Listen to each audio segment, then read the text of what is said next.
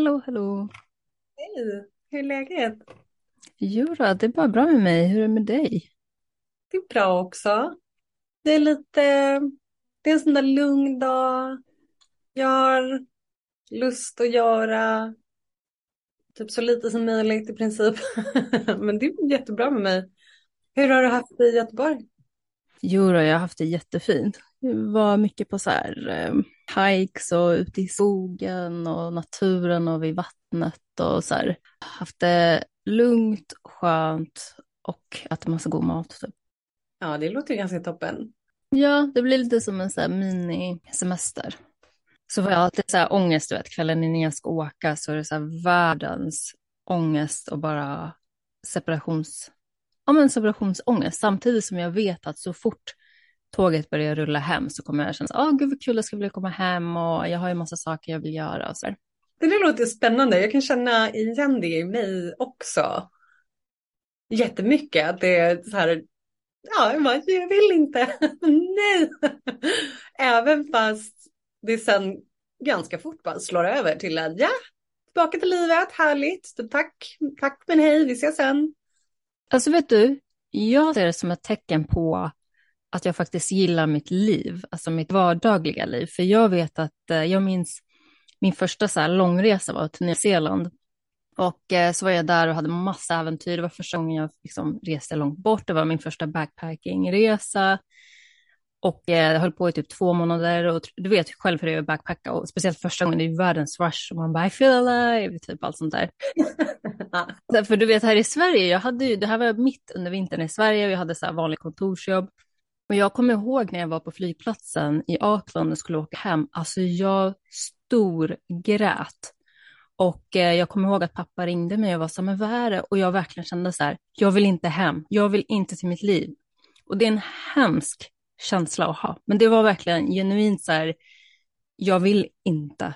Please don't make me liksom. Ja, jag förstår precis vad du menar. Så det har det nog varit för mig också vissa gånger. Nu då, precis som du säger, så är jag också så här, ja, nu går det väl bra. Men för mig blir det nog snarare den här när det är att, alltså ångesten blir värre när jag har en känsla av, eller när situationen faktiskt är så att man antagligen sen kommer aldrig komma tillbaka. Så jag kommer aldrig vara här igen, kommer aldrig träffa dem igen. Alltså då blir ångestpåslaget liksom ganska påtagligt. Men annars om det är så här, ja men vi ses, vi ses sen liksom, eller vi hörs och ses om några dagar eller, eller om ett par veckor och sådär. Då, då är det inte så knepigt. Och som sagt, jag gillar också mitt liv nu. Mer än vad jag gjorde förr. Så det låter fullt, ehm, det låter fullt rimligt. Ja, alltså den där känslan av att så här, ett äventyr tar slut, det är ju en av de värre känslorna man kan ha av att så här, jag har haft det jättebra, jätteroligt och det här kommer, även om jag kommer tillbaka till det här landet igen, det kommer aldrig vara samma sak. Eh, så det kan jag absolut köpa, men jag tror att jag just då verkligen, det var mycket mer så här, jag vill inte till Sverige, jag vill inte till mitt kontorsjobb, jag vill inte till Stockholm, jag vill inte till de människorna, alltså så här, det blev så här en wake-up call av att så här, oh shit, jag behöver nog göra rejäla omställningar i mitt liv som jag sen gjorde också. För det gick inte. Det gick inte längre att gå tillbaka till gamla Det var liksom, jag, hade, jag var liksom way förbi det. Ja visst. Alltså on the flip side så skulle jag ju kunna tro också att lite av den där ångesten eller att säga, åh nej, separations mot att sträva emot den kan ju också vara ett tecken på att du gillar killen. Liksom. jo, såklart. Och att det blir, speciellt när man har hängt så mycket i flera dagar och haft det nice bara. Ja visst, det är ju toppen. Eller det är klart, alltså blir inte det ganska, ganska basic psykologi och biologi att säga hej, det här vill jag väl inte sluta med. Det kändes ju bra. Ja, och, och jag tror även det blandat med en känsla av, en känsla av att, gud, tänk om det här är sista gången. Jag får alltid den känslan av att så här, just för att jag varit med om att sista gången kommer oftast från ingenstans, från mitt perspektiv, så tror jag att det har hängt kvar i att varje gång, det positiva är att jag tar typ ingenting givet och jag verkligen är här och nu och bara så här, det här känns jättebra just nu. Men det finns ju det där lilla i bakhuvudet som är så här, ja men det här kanske är sista gången. Ja, jag har en aning.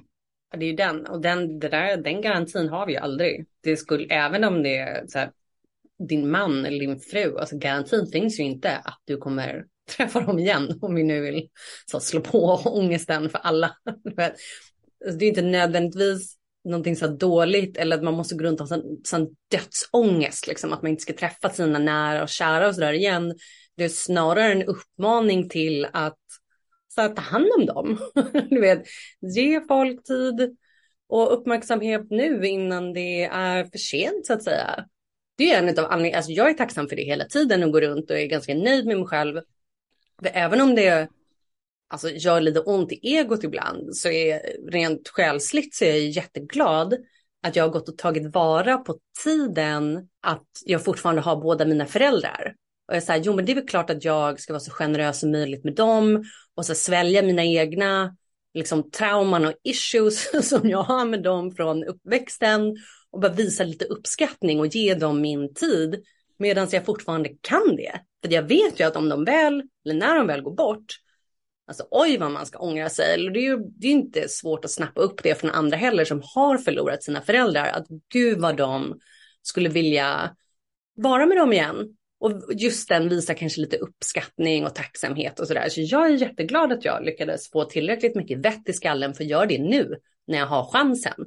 Och sen också, så du vet, jag kanske flyttar igen, har barn eller whatever, bara mycket annat för sig.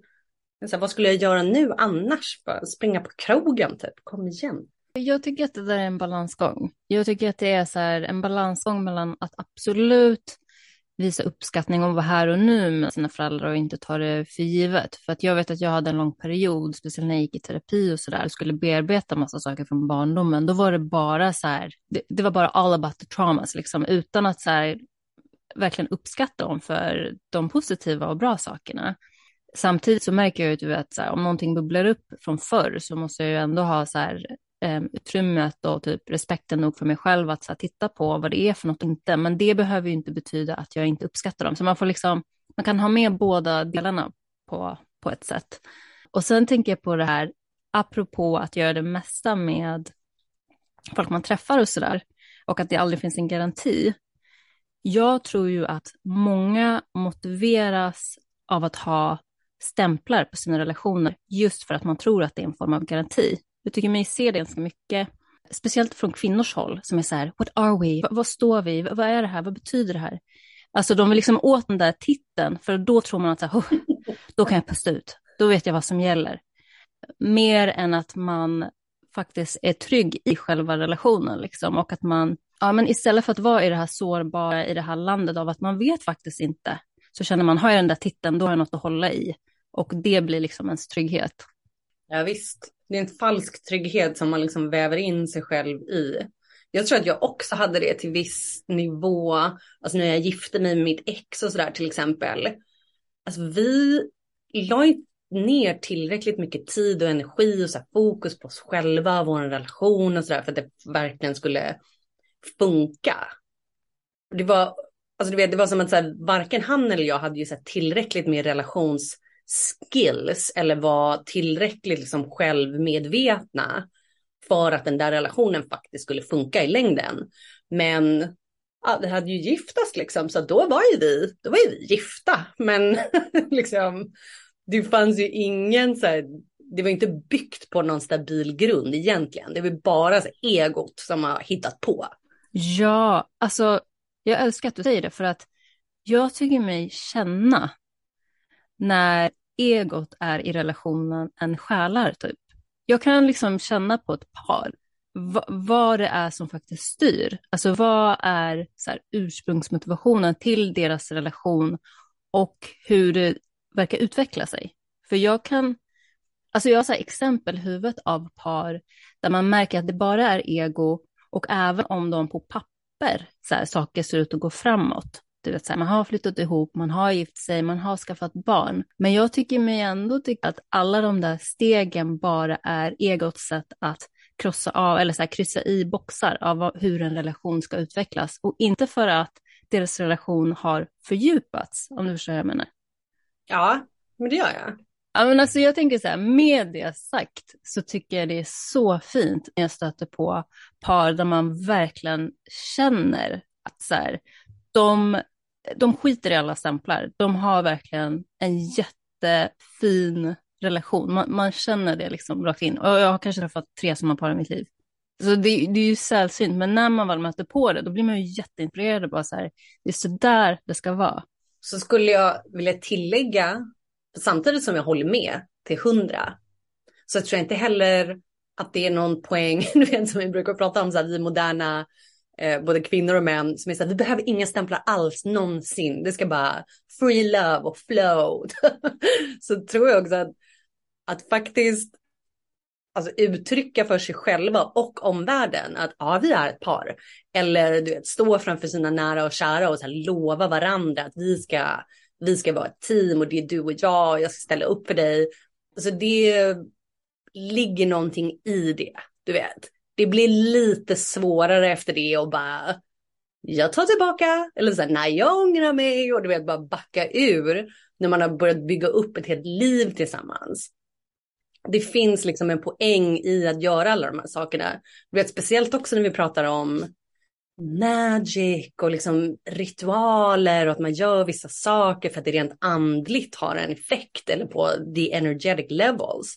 Det är därför också det finns en viss alltså process i när man väljer sin partner och sen ingår ett partnerskap och skapar en relation. Det har ju vissa steg. Det här med till exempel gifta sig eller att stå då framför de nära och kära.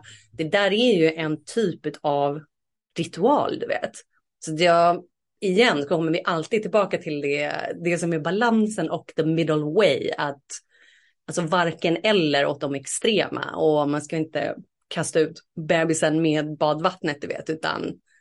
Jag, jag är nog mer inne på att det måste ske en eh, energimässig etablering först, innan man ger sig på titlar. Vissa kör på stämplarna innan det, har, innan det finns en grund eller ett djup i relationen. Att man liksom headstartar över till de där punkterna innan det finns en riktig, liksom, inte, inte connection, men att det det är, liksom, det är prioriteringen före själva relationen. Jo, jo, alltså där är jag med dig. 100 procent eh, med dig. Och det är de relationerna som vi också då skulle se på som alltså ganska omedvetna, folk som fortfarande sover. Det blir gärna toxic i längden och du vet, du bara allmänt på alla fel. Jag tror också att en riktig, eller du vet, de relationerna som kan och bör gå så pass långt att man liksom gifter sig eller att man sätter stämplar på det, att man talar om för omvärlden att man är tillsammans och sådär. Då måste man ju först etablera en, alltså gärna i den här ordningen också, först en mental kontakt, emotionell och andlig och till sist den sexuella fysiska biten. Där någonstans är liksom receptet för att börja skapa en fram, ett framgångsrikt förhållande. Det där med att folk är, visst man bara vet, träffas, har så sex första andra gånger vi ses, ut och super lite ihop och sen är det här min kille eller här är min tjej. Okej, okay. good luck. Vissa lever ju i sig så hela livet och det kan de väl göra. Men eh, vi då, som känner vi så uppkopplade till något annat, det, det helt plötsligt så har vi högre förväntningar och krav både på oss själva och våra partners och sen relationen som någon tredje entity liksom. Och det är väl det vi kommer tillbaka till också nu idag och som vi pratade om förra veckan att nu så vill ju alla ha en soulmate liksom och inte bara, inte bara det gamla traditionella könsstereotypa utan vi vill ha mer liksom för att vi vet att det finns så mycket mer. Så det finns ju hur mycket potential som helst, tänker jag egentligen. Men alltså, får jag bara säga en sak, det här med bröllop och sådär. För jag har alltid varit sån som tycker att om jag, om jag skulle gifta mig så är det mer så här för mina föräldrars skull än för min egen skull. För att jag vet att det, det är viktigt för dem. Och jag kan absolut köpa att man ger löften till varandra och till Gud, till universum. Men det här med inför familj och vänner. Alltså det är något med det som är så cringe i min värld. Jag tycker det är Jaså? Alltså jag, jag vet inte hur jag skulle kunna göra något sånt with a straight face. det där tycker jag är någonting, jag vet inte om jag har så mycket av en personlig åsikt kring det. Jag tycker dock att det låter högst modernt. Att så det är klart att jag kan lova mig själv och min partner och någon typ av högre kraft att vi ska vara tillsammans. Jag skulle kunna tänka mig att ha ett firande med vänner och familj. Men jag vill inte att det ska vara så officiellt du, nu lät det ju precis som att du liksom var med på det som är ett bröllop fast du vill inte att det ska vara ett bröllop. Ja, alltså jag, jag tycker det är så här, då är det mellan mig och den personen som jag tycker om eller som jag vill leva med. Och något större, det är liksom ett löfte vi tre går in i. Absolut, man kan festa loss och sådär med vänner och ha ett firande med familjen och så, men att vi ska stå inför alla och bara declare our love. Nej, alltså jag, jag har jättesvårt för sånt. alltså jag tror att jag bara vill inte, jag tycker att det är lite för så här inpå. Alltså grejen är typ när jag har varit på bröllop och folk, eller paret då säger, när paret säger jättefina grejer till varandra och det är fina tal. Jag är sån som sitter och storgråter och tycker det är hur fint och vackert som helst. Alltså jag har alltid tissues i min bh, alltid, för att jag vet att the waterworks are coming. Liksom. Men samtidigt så tycker jag tror nog att jag är lite för privat för det. Så jag tänker mig så här, om jag skulle gifta mig, då tänker jag mig att det kommer vara som en liten ceremoni, bara med mig, den personen och typ Gud och kanske någon mer. Och sen går man typ till familj och vänner och firar när det är gjort. Jag tror inte att jag vill öppna upp mig på det sättet. Speciellt min familj. Oh my God. Det låter, det låter ändå fullt rimligt att nu säger att så här, men det är lite för privat för mig. Jag kan också känna att Alltså om jag skulle ha ett riktigt bröllop och gifta mig igen, jag skulle fortfarande inte vilja att det var så mycket folk. Eller du vet, jag har liksom aldrig varit på bröllop. Alltså när jag var liten eller i vuxen ålder, så här, jag har aldrig varit på riktiga bröllop. Jag har aldrig suttit och tittat sådär på folk som lovar bort sig själva eller någonting. När jag gifte mig med mitt ex så var det stadshuset. Det var liksom inga krusiduller, ingenting. Och det är också därför jag nu då liksom ganska många år senare har landat i att så här, ah, alltså man kanske ska lägga lite mer vikt i vad man faktiskt håller på med, du vet. Om man då väljer att man ska vara tillsammans eller till och med att man ska gifta sig. Alltså du vet, du kanske vill göra någonting av det och inte bara så här, eh, det är bara att skriva på ett papper eller eh, det betyder ju inte så mycket egentligen. Eller eh, det är, liksom, det är lite strunt samma men det är kul att ha en fest. Alltså jag tycker att det blir så, liksom det är inget djup. Det är liksom inget där. Och jag själv gjorde ju alltså det här misstaget så att säga. Eller jag själv låg ju typ på den nivån och hade inte alls någon så här större respekt för att ingå partnerskapet eller sådär. Ja, alltså jag tycker just med att det är på stadshuset, för att då är det, för att vi har ju gått från att så här, man gifter sig inför Gud till att man gifter sig inför staten. Och you know how I feel about staten, liksom. Så det blir ju så här uh, ännu mer förvrängt på något sätt. Jag skulle nog hellre inte gifta mig än att gå in på ett stadshus och så. Ja, det finns mycket att säga. Jag har en gammal, eller en tjej som jag kände när jag var yngre, hon brukade säga, eller brukade och brukade, men hon sa till mig någon gång att hon bara, men alltså när jag ser framför mig att jag ska gifta mig eller att jag ska ha ett bröllop och sådär, då vill jag hon bara, då ser jag framför mig att jag och min man liksom har varit tillsammans typ hela livet och att jag har en lång grå fläta. Och jag tyckte att det var så vackert. Så jag var så, ah, så, sku, ah, så skulle jag ju typ också vilja ha det. Eller så här, jag tyckte bara att det var en sån vacker bild. För då blir det också, jag tror att det som vi kanske springer på problem med är ju att det skulle vara någonting så här ytligt, du vet folk vill bara ha festen och egot vill bara visa upp sig och sådär. Och hennes bild då att det är som man har redan levt hela livet tillsammans med den här gråa flätan visar ju på att det är relationen som är det viktiga och inte liksom att man står framför staten eller att man ska ha någon stor fest liksom som bara egot ska götta sig i. Ja, alltså det är exakt det jag menar. Alltså det är det som visar på att man har sina priorities straight. Att det inte är de här titlarna och stämplarna. Och sociala medier är ju the thing just nu. Och så här, gud, då kan jag posta och liksom. där det verkligen är så här, men det är relationen jag bryr mig om. Allt det andra, det är bara så här, det kan vara där, det kan inte vara där. Det är inte det som är det centrala. Ja, visst. Sen så tror jag att det jag var inne och syftade lite på var ju också snarare den, du vet, för, för dig där ute som också har läst boken om attachment theories, alltså anknytningsboken, du vet. Och vi har hört folk prata om det här länge och så till slut så tänkte jag väl att då kan jag titta igenom det lite grann och det är inte så dumt. Alltså jag är så här, lugna puckar, man behöver inte så alltid leta efter anknytningsissues eh, och teorierna och så där.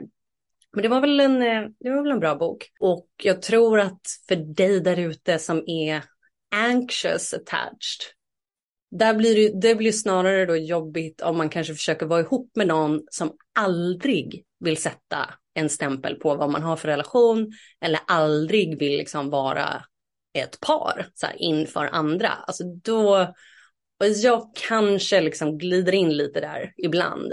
Så det är därför jag kanske kommer med den poängen att så här, alltså någon gång så kanske man ska kunna tala om för omvärlden att man är ett par. Liksom. Alltså det där med anknytning är så intressant. Jag har ju studerat det där ganska mycket och för, jag minns första gången vi hade en föreläsning om det och jag fick höra om undvikande anknytning och det var, var så här mindblown. Jag bara, det är jag, everybody, det är jag. Så här. Men, eh, men grejen är typ att absolut, alltså man måste ju ha, man måste ju ha öppen kommunikation, man måste ha vissa ramar och man måste kunna sätta vissa gränser.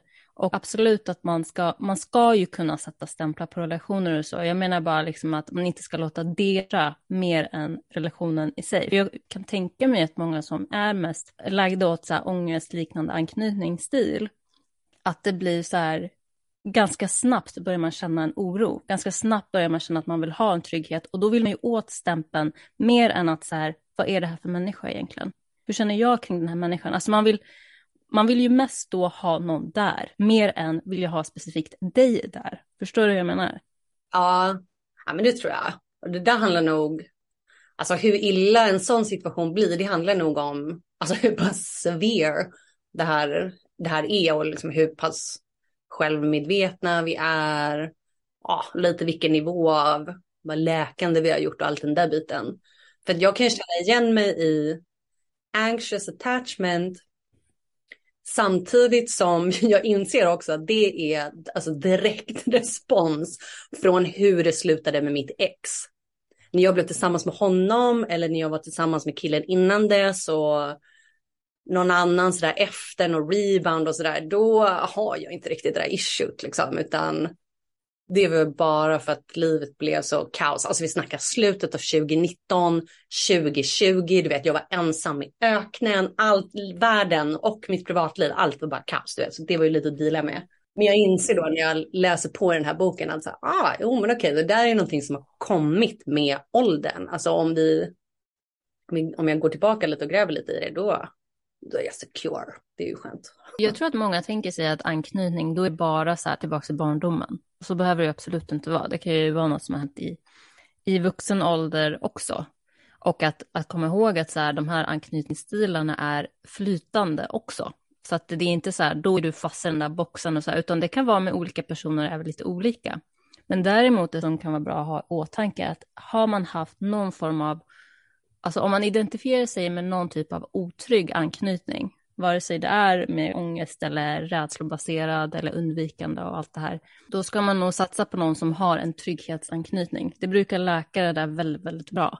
Men alltså man själv är otrygg och kan lugnt identifiera en annan som otrygg, då är det förmodligen inte en bra match, för man kommer gå runt och typ trigga igång varandra ganska rejält, utan ta de här tråkiga, stabila, lugna människorna, för det var oftast vad man faktiskt behöver. Ja, visst, det har du så rätt i.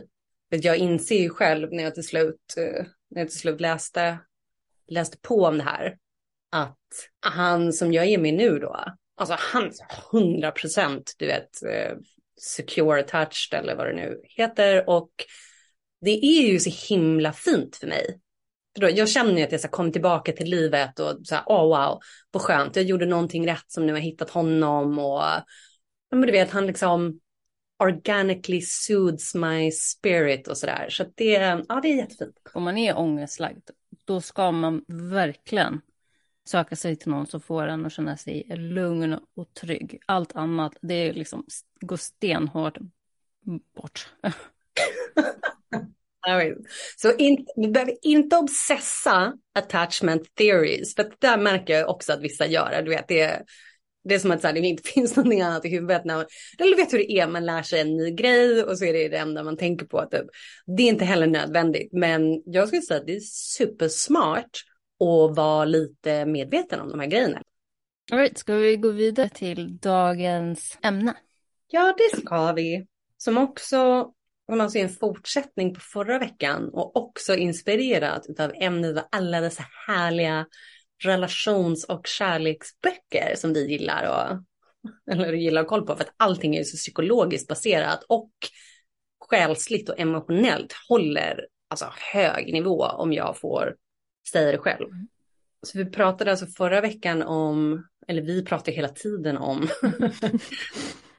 de olika de olika typerna av kärlek som män versus kvinnor behöver för att liksom nå de här nya höjderna av medvetande och eh, tillfredsställelse rent, eller alltså på alla plan. Själsligt, emotionellt, mentalt, fysiskt och sådär. Och även om många saker såklart går liksom in i varandra och både män och kvinnor uppskattar och känner kärlek och känner glädje av många samma saker. Så finns det vissa områden som är liksom extra viktiga för kvinnor och som också är extra viktiga för männen. Och gärna då i koppling till det som vi har pratat om senaste veckan och vad gäller våra hormon, alltså stresshormonen och det feminina versus det maskulina stresshormonet och hur vi liksom går och balanserar de här sakerna så att vi kan sänka stressen, ha högt immunförsvar bland annat och liksom göra vår samhällsplikt enligt mig. Du behöver inte gå och stoppa in dig eller stoppa i dig vaccinet utan du kan ju bara se till att du är så himla frisk som möjligt. Ja. Så ska du väl typ stå pall.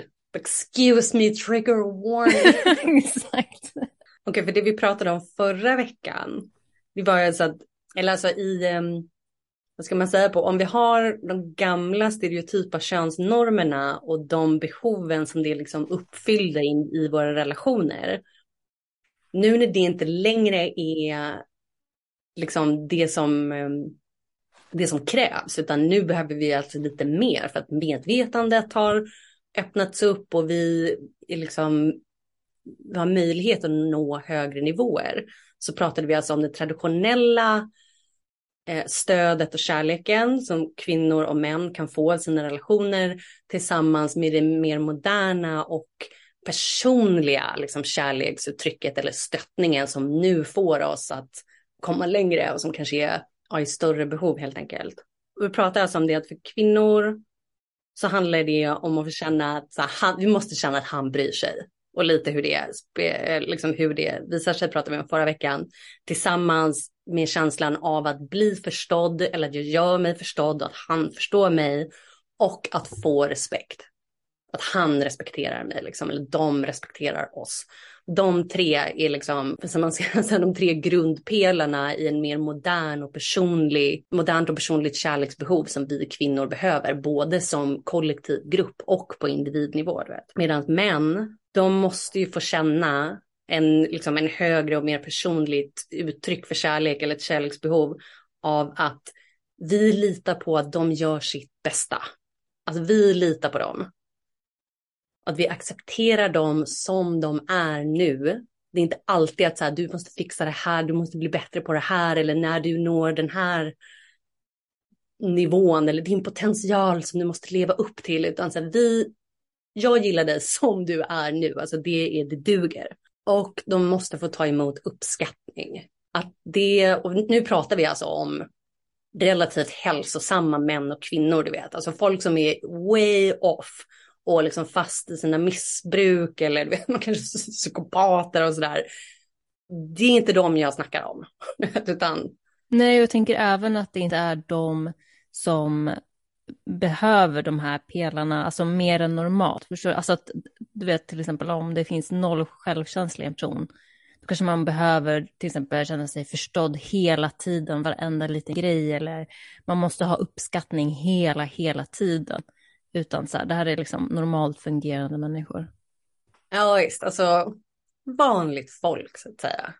Jag tror vi pratade om det här, att, eller hur, att tjejer måste få känna, måste få känna att så här, att du bryr dig eller att han bryr sig. Och back in the day, eller rätta mig nu om jag har fel, men back in the day så kunde vi liksom gå med på att men han bryr sig om mig bara för att han tjänar pengar som han liksom använder för att ta hand om mig. betalar för vårt hus eller vår lägenhet där vi bor.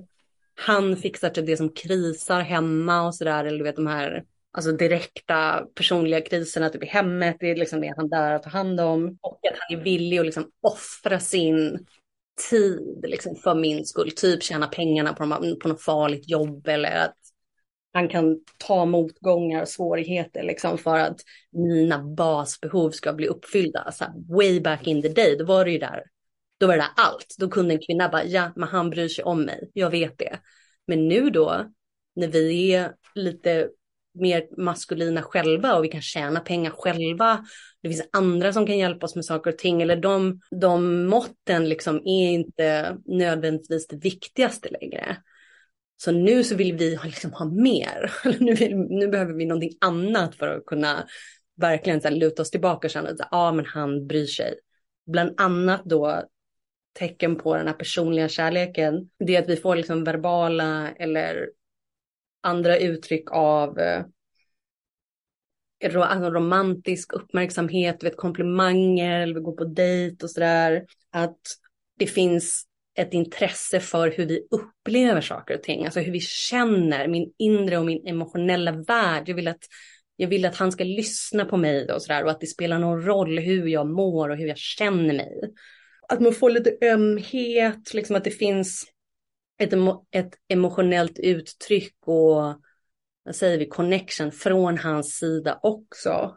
Och gärna då att våra killar kan så förutspå och veta om mina behov och sen gör saker och ting för att jag ska få dem mätta och mötta utan att jag behöver säga någonting. Typ, han vet att jag blir cranky om jag är hungrig så att han ser till att det finns käk hemma, du vet.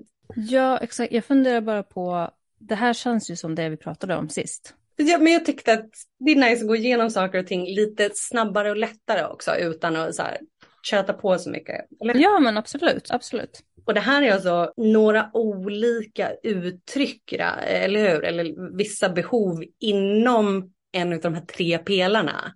Att så här, okej, okay, så där, på det här viset kan vi känna att han bryr sig, liksom, eller de på kollektiv nivå, de bryr sig om oss. Det är väl därför också, du vet, på kollektiv nivå, vi har varit så här, ni måste lyssna på oss, alltså mjuka värden. Det måste få vara med på agendan, så här, känslor måste tas i beaktning typ. Det är ju bara för att vi, alltså vi måste få känna att ni bryr oss hur vi känner. Och att ni också har en emotionell del liksom. Ni kan inte vara så kalla typ. Eller vi kan inte bara vara rationella och analytiska och sådär. Vad säger du? Ja, Just det, alltså jag tänker också att är det inte därför också lite män dras till kvinnor? För att kvinnor på något sätt, alltså när han blir, alltså det är där han får utlopp för det där känslomäss, äh, känslosamma och emotionella. För att i alla andra delar, eller alla andra roller män har, så kommer oftast inte den där biten fram. Så att det blir liksom hos kvinnan som, ja men som man får utrymme för det där. Jo, det tror jag definitivt. Och den poängen, den vävs nog in i, ehm, i resten också som vi, som vi kommer gå igenom. Jag tror att det är helt sant. Och på ett annat språk då, om man pratar om just maskulint och feminint så och all, i allra högsta grad mer traditionellt också så har ju istället för att män liksom ska vara feminina och uttrycka sin egna femininitet så upp upplever, precis som du säger, så upplever ju män liksom sin egna feminina sida när han älskar en tjej. För att i henne så får han ju sin egna femininitet speglat utifrån. Så att istället för att vi liksom måste se till att män blir mer feminina eller att de anammar liksom feminina egenskaper så kanske vi skulle komma ihåg att de får det det, eller det uttrycket liksom kommer genom att älska en tjej. Ja, jag tror att det där är jätteviktigt att ha i åtanke, för det känns som att många försöker ju liksom banka i män eller liksom rationellt så här, försöka få dem att bli mer emotionella. Det är liksom helt fel approach. Ja, visst, och det är, det är inte för att säga att män inte har några känslor, det är inte den. Men jag skulle vilja påminna också här då, vilket är bra att komma ihåg, att om vi pratar igenom den här stressen och kortisolnivåer, kortisol är alltså ett hormon som är det, det är liksom den största substansen när vi är stressade. För att män ska kunna sänka sin kortisolnivå och alltså inte vara stressad så måste han producera testosteron. Och det gör han ju alltså via mycket av de här stereotypa eller traditionella uttrycken för manlighet. Så att for reals, eller bokstavligt talat så är det bra för män att gå och vara män och göra maskulina grejer för att det där sänker hans stress. Att försöka tvinga en man att vara liksom, i de här feminina kvaliteterna när han är stressad. Alltså det, kan, det, kommer, liksom, det gör honom bara ännu mer stressad. Och i våra relationer skapar det bara ännu mer problem i princip. Mm.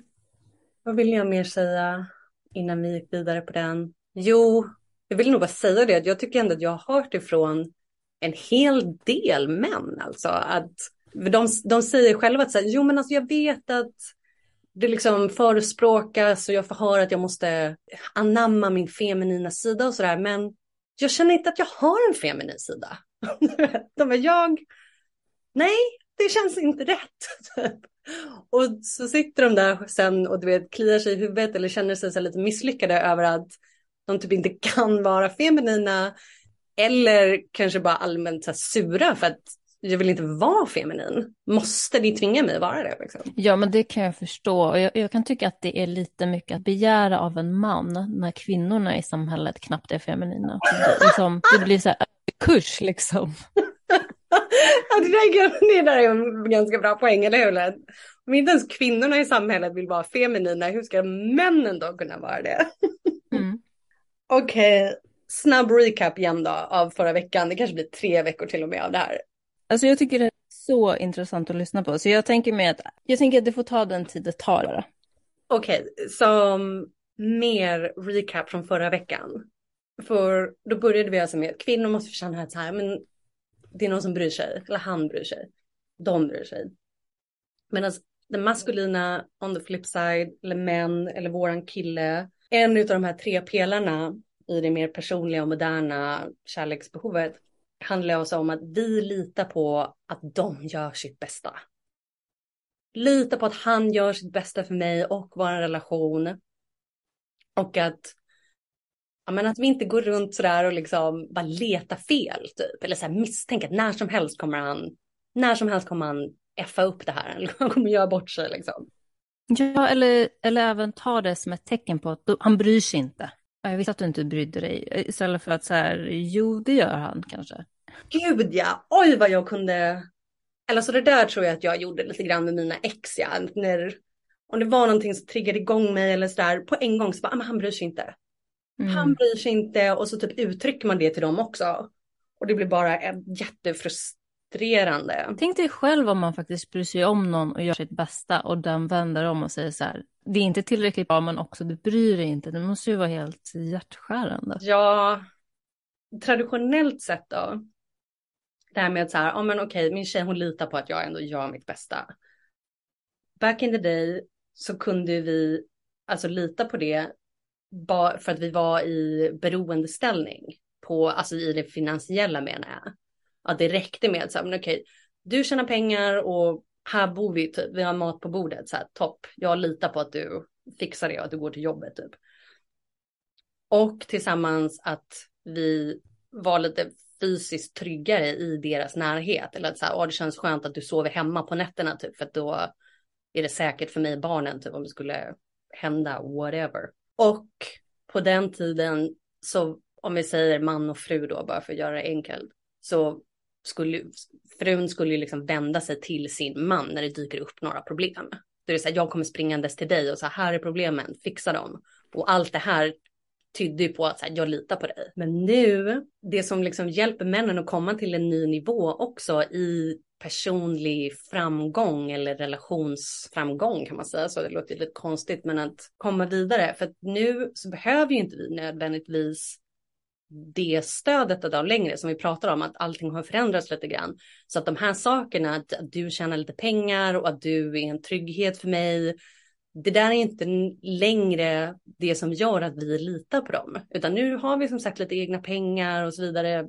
Så nu, för att männen ska känna att de har liksom, du vet, ett, ett syfte och verkligen en uppgift och så vidare, så behöver, så behöver vi, som går ihop med det vi precis har sagt, liksom, så behöver vi vara emotionellt beroende av deras stöd för att sänka vår egna inre stress och sådär. Och att vi låter våran kille eller männen i allmänhet på ett kärleksfullt sätt. Vi låter dem veta vad vi skulle vilja.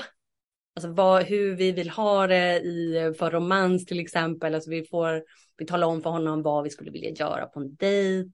Och ber, alltså ber på ett passande sätt om hjälp liksom. Eller ber dem fixa det. Och att vi nu för tiden så delar med oss av vårt inre. Precis det som du sa, att det är det som gör att männen kan typ uppleva den feminina principen, att vi öppnar upp oss, vi delar med oss av vår inre värld och våra känslor, pratar med dem om våran dag och kanske är öppna för förslag. Eller så kan inte du hjälpa mig att lösa de här sakerna? Lös mitt problem eller vad tycker du om det här? Du vet, precis nu innan vi började prata idag faktiskt med Seiba så var jag så här, ja din, kan inte du kolla på den här videon om liksom astrologisk finans och så vidare och bara tala om för mig vad du tycker, för att jag vill så gärna ha din input. Det känns så säkert och jag litar liksom på dig och din, din åsikt om saker och ting.